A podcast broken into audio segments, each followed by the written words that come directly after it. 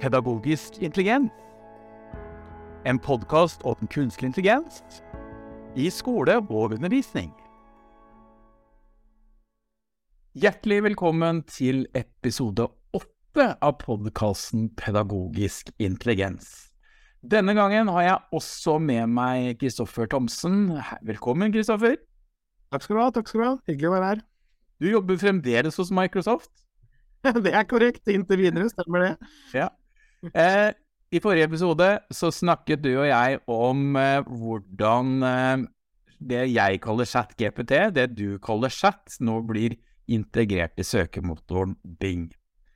I denne episoden så tenkte jeg at vi skal eh, gå og titte på hvilke andre verktøy i Microsoft 365 som benytter i dag, eller kommer til å benytte kunstig intelligens.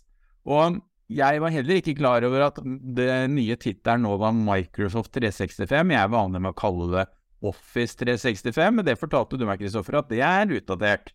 Ja, det stemmer. Nå er det Microsoft 365, og det handler om på en måte helheten av plattformen, og hvordan disse underliggende teknologiene bygger under hele plattformen på mange måter. Så det er og for dere som ikke er sånn nerde engang, som skjønner hva Office 365 er, så er det typ sånn Word, Excel, PowerPoint, Outlook, OneDrive osv. Hva ville du brukt flere titler videre her nå? Hjelpes meg. Der ville jeg brukt eh, sikkerhetsporteføljen, jeg ville brukt Asher, jeg ville brukt Dynamics, jeg ville brukt Cover Platform. Uh, oh, ja, ikke sant? Det var, det var mye nerdepreik. Uh, ja, det er mye nerd nå, altså. Nå går ja. vi tilbake her. Wow, wow. Ja. Microsoft 365, Word. Ja. Uh, ja, Hvis vi skal begynne med Word, da, kommer vi til å få noe kunstig intelligens inn i Word? Det er veldig gøy at du spør, for at det, egentlig så har du veldig mye kunstig intelligens i Word fra før, og det har på en måte kommet sånn snikende og enkelt og greit. Tenk på for eksempel oversetting, eller diktering, um, eller grammatikk. Og alle disse tingene har kommet, men vi kommer til å få mye mer av det. Typisk en sånn eh, en slags form for lærer, en coach, en trener som kommer ved siden av og foreslår 'hei, vil du ha i gress', sånn og sånn. Husker du den derre Klippi-greia? Nå er vi tilbake til nerden her, da.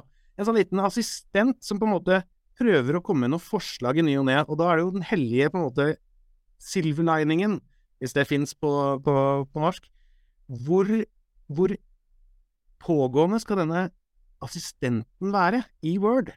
Det er det vi på en måte driver og finner ut av nå med, med disse beta-programmene rundt omkring. Men ja, det, det er gøy her nå. Den assistenten den vil blant annet bli chat, eller chat-GPT. da. Akkurat som du har synonymolista, så kan du merke en, en del av teksten sannsynligvis, og spørre chat-GPT. Hmm. Formuler dette på en annen måte, eller gjør den mer positiv, eller eh, Knytt denne til eh, fire andre artikler der ute, osv. Og, og når du tenker på hvordan søket i dag fungerer i Word, da, øverst står det sånn søk på sånn hjelpefunksjoner og hvor finner du ditt og datt. Det søket der, det vil jo bli influ influert mye mer med denne type teknologi som ligger bak der, så du kan spørre den om mer konkrete ting, hvor den tar utgangspunkt i det dokumentet du allerede skriver, f.eks. Det blir veldig, veldig interessant å se hvordan, eh, hvordan det kommer til å eh, bli, rett og slett. Og jeg som må tenke helhetlig i forhold til elever og studenters bruk av digitale verktøy, så er det jo en annen viktig gladbudskap her. Den, hvis jeg vet, så, så, heter det Learning Accelerator akkurat nå, forferdelig på norsk. Men, men, den Learning Accelerator den skal være med oss litt rundt omkring inne i forskjellige programvarer, hvis jeg har forstått det riktig. Det er helt korrekt. Vi har, eh, vi har, hørt om denne engasjerende leser og lesefremdrift, som er to av de verktøyene som på en måte har kommet lengst innenfor dette. Men denne, denne på en måte eh, lesefremdriftsversjonen, eh, som tar alt dette og, sammen, og, gjør det sammen, på en måte, den vil eh, komme i flere fasonger og i flere typer verktøy der ute. For eksempel i Powerpoint da, så har du denne Powerpoint Designer, som du sikkert bruker hele tida for du er lei av å sette boksene på riktig sted osv., den begynner å bli utvida kraftig med funksjonalitet som, eh, eh, som, gjør det enda enklere å lage og, og sette på plass eh, riktig tekst osv. Jeg tror vi må ta dette her et nivå ned, for det er helt klart to nerder som snakker med hverandre i denne podkasten i dag. Så La oss først gå til lesefremdrift. For de som ikke er klar over det, så er det et av de verktøyene som jeg er mest imponert over. Det er altså et verktøy der du lar eleven få en leselekse. Du velger ut eh, leseleksa, eh, og så kan eleven Du kan enten ta ferdiglagde tekster som ligger i biblioteket i tjenesten, eller du kan lime inn dine egne tjenester. Og så eh, får eleven leseleksa, som elever har hatt i alle tider. Og så forskjellen her er at eleven spiller inn en lydfil eller en videofil mens den leser inn leksa. Ikke noe nytt så langt. Men så kommer jo den kunstige intelligensen, som forteller om lesehastighet, hvilke ord du hopper over, hvilke ord du leser flere ganger, hvilke ord du leser feil, og uthever dette her. Og, og kanskje det mest spennende, du får jo longitude-data. Du får vite noe om leseutviklingen til både eleven og klassen som helhet over tid. Så detaljert må vi være, Kristoffer. Og hvis du skal være en pedagogen og forklare hva presenter coach er, Ola, som du nevnte tidligere i PowerPoint Ja.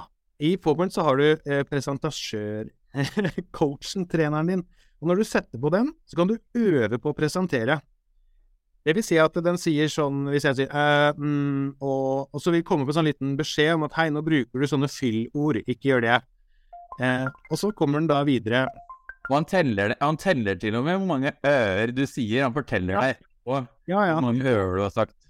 Ikke minst hastighet på det du sier, så sier han sånn hei, prat gjerne litt saktere, for nå er du veldig engasjert, og du snakker altfor fort. Og så kommer den da med tilbakemeldinger på det. Den tar også litt hensyn til temaer, hvor lenge du er inne på de forskjellige tingene, i, i forhold til kulepunktene du har i, i powerpointen din, osv. Så, videre. så dette er et verktøy som vi finner i PowerPoint. Finner vi det overalt i PowerPoint? Eh, ja, og nå gjør du det. I starten kom det først i online-versjonen, altså den som er i en nettleser. Og så kommer den også til eh, skrivebordsversjonen etter hvert, for den eh, oppdaterer seg mye saktere, slik at vi ikke skal laste ned oppdateringer absolutt hele tida, selv om jeg syns det er ganske ofte allikevel. Så dette er jo et fint verktøy som eleven kan trene seg på egen hånd, f.eks. hjemme eh, eller på grupperom, der den kan øve seg på å gjøre presentasjonen, får noe feedback i forhold til hva som kan gjøres for å gjøre den bedre neste gang, og så går kanskje elever inn i klassen, foran klassen og foran læreren, og holder samme presentasjonen, men den har forsøkt seg og øva seg og fått kunstig intelligens-feedback før den går til den virkelige presentasjonen.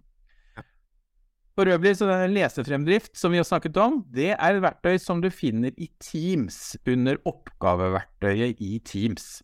Hvis du ikke har prøvd den, så anbefaler jeg på det varmeste at du går ut og prøver den. Den, den ble jeg i hvert fall skikkelig imponert av når jeg så den første gangen. Og der har det kommet noe mer nå, Kristoffer?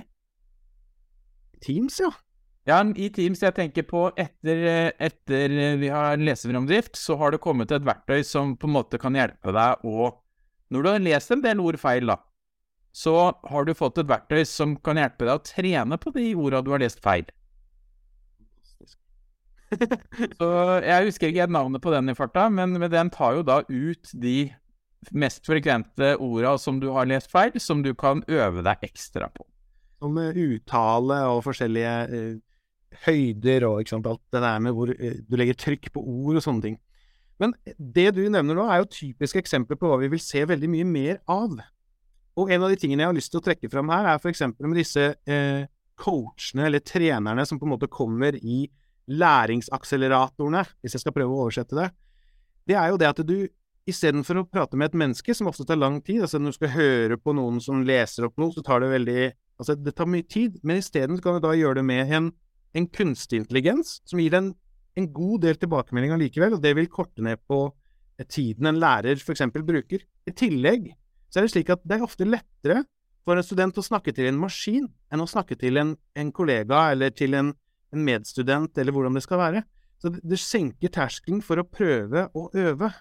For Man trenger ikke være på en måte redd for å gjøre ting feil. Du får bare en tilbakemelding, og så er det greit, og så slettes det, og så prøver du en gang til å gjøre det, gjør det bra. Så det blir litt som et slags form for spill eh, hvor man da øver på de riktige tingene. Da. Apropos redd, så er jo ikke dette et verktøy som kommer til å overflødiggjøre læreren. Alle dere som er lærere og hører på denne podkasten, dere vet jo at tid er jo den største utfordringen i norsk skole. Vi skulle jo gjerne brukt mer tid med hver enkelt elev. Men dette, vi vet jo at elever lærer ved å få tilbakemeldinger. Eh, og her er det på en måte Vi setter inn en A2-lærer inn i klassen, men den er kunstig intelligens, som kanskje kan komme på før, etter eller mellom interaksjonen som vanligvis skjer med læreren. Man får en assistent som gjør noe av det som tar mye tid. På en måte så får eleven nå en personlig assistent som den så på en måte skal ha med seg til å diskutere med, til å spørre, som den kommer til å sannsynligvis ha med seg ved siden av seg resten av livet. Og helt til slutt, i denne episoden, så vil jeg jo fremheve en annen veldig viktig ting, Kristoffer, eh, når eh, disse tingene blir integrert i Microsoft 365, det er jo da første gangen vi lovlig, sannsynligvis, kan begynne å bruke chat-GPT-lignende tjenester for alle elever. For fram til nå har det jo vært problematisk å putte elever inn i tjenester med å registrere brukernavn i passord i tjenester som er plassert i USA. Jeg går ut fra at alle skoler som har Word, Excel, PowerPoint, altså Microsoft Office, også har en såkalt databehandleravtale med Microsoft. Er det ikke sånn? Eh, det har alle. Eh, man må ha det før man får tjenesten, rett og slett. Eh, ja. Så er det hvordan man driver ROS-analyser osv. på det. Det som er så fint med det som skjer nå, er at man får denne nye funksjonaliteten integrert i det man allerede har, med de samme forutsetningene for f.eks. For GDPR og Eh, personvern, og hvor lenge det skal lagres, og hvor det skal gå, hvor det skal ligge, skal det være innenfor EU, skal det være utenfor? Alle disse tingene blir ivaretatt, og det er jo utrolig behagelig for de som jobber med dette her, for å tilgjengeliggjøre det eh, internt i ulike organisasjoner. Og så vet vi som har jobba med det digitale en stund, at det alltid er utfordrende å introdusere nye verktøy, kanskje litt mer for eldre enn for yngre. Men eh, det er alltid en utfordring å introdusere et nytt verktøy. Så da er det kanskje litt mer sikrere å være inne i verktøy man allerede sannsynligvis kjenner fra før. Det er håpet, i hvert fall. Det får være det siste ordet i dagens podkastepisode. Takk skal du ha, Kristoffer, for at du ble med. Var hyggelig.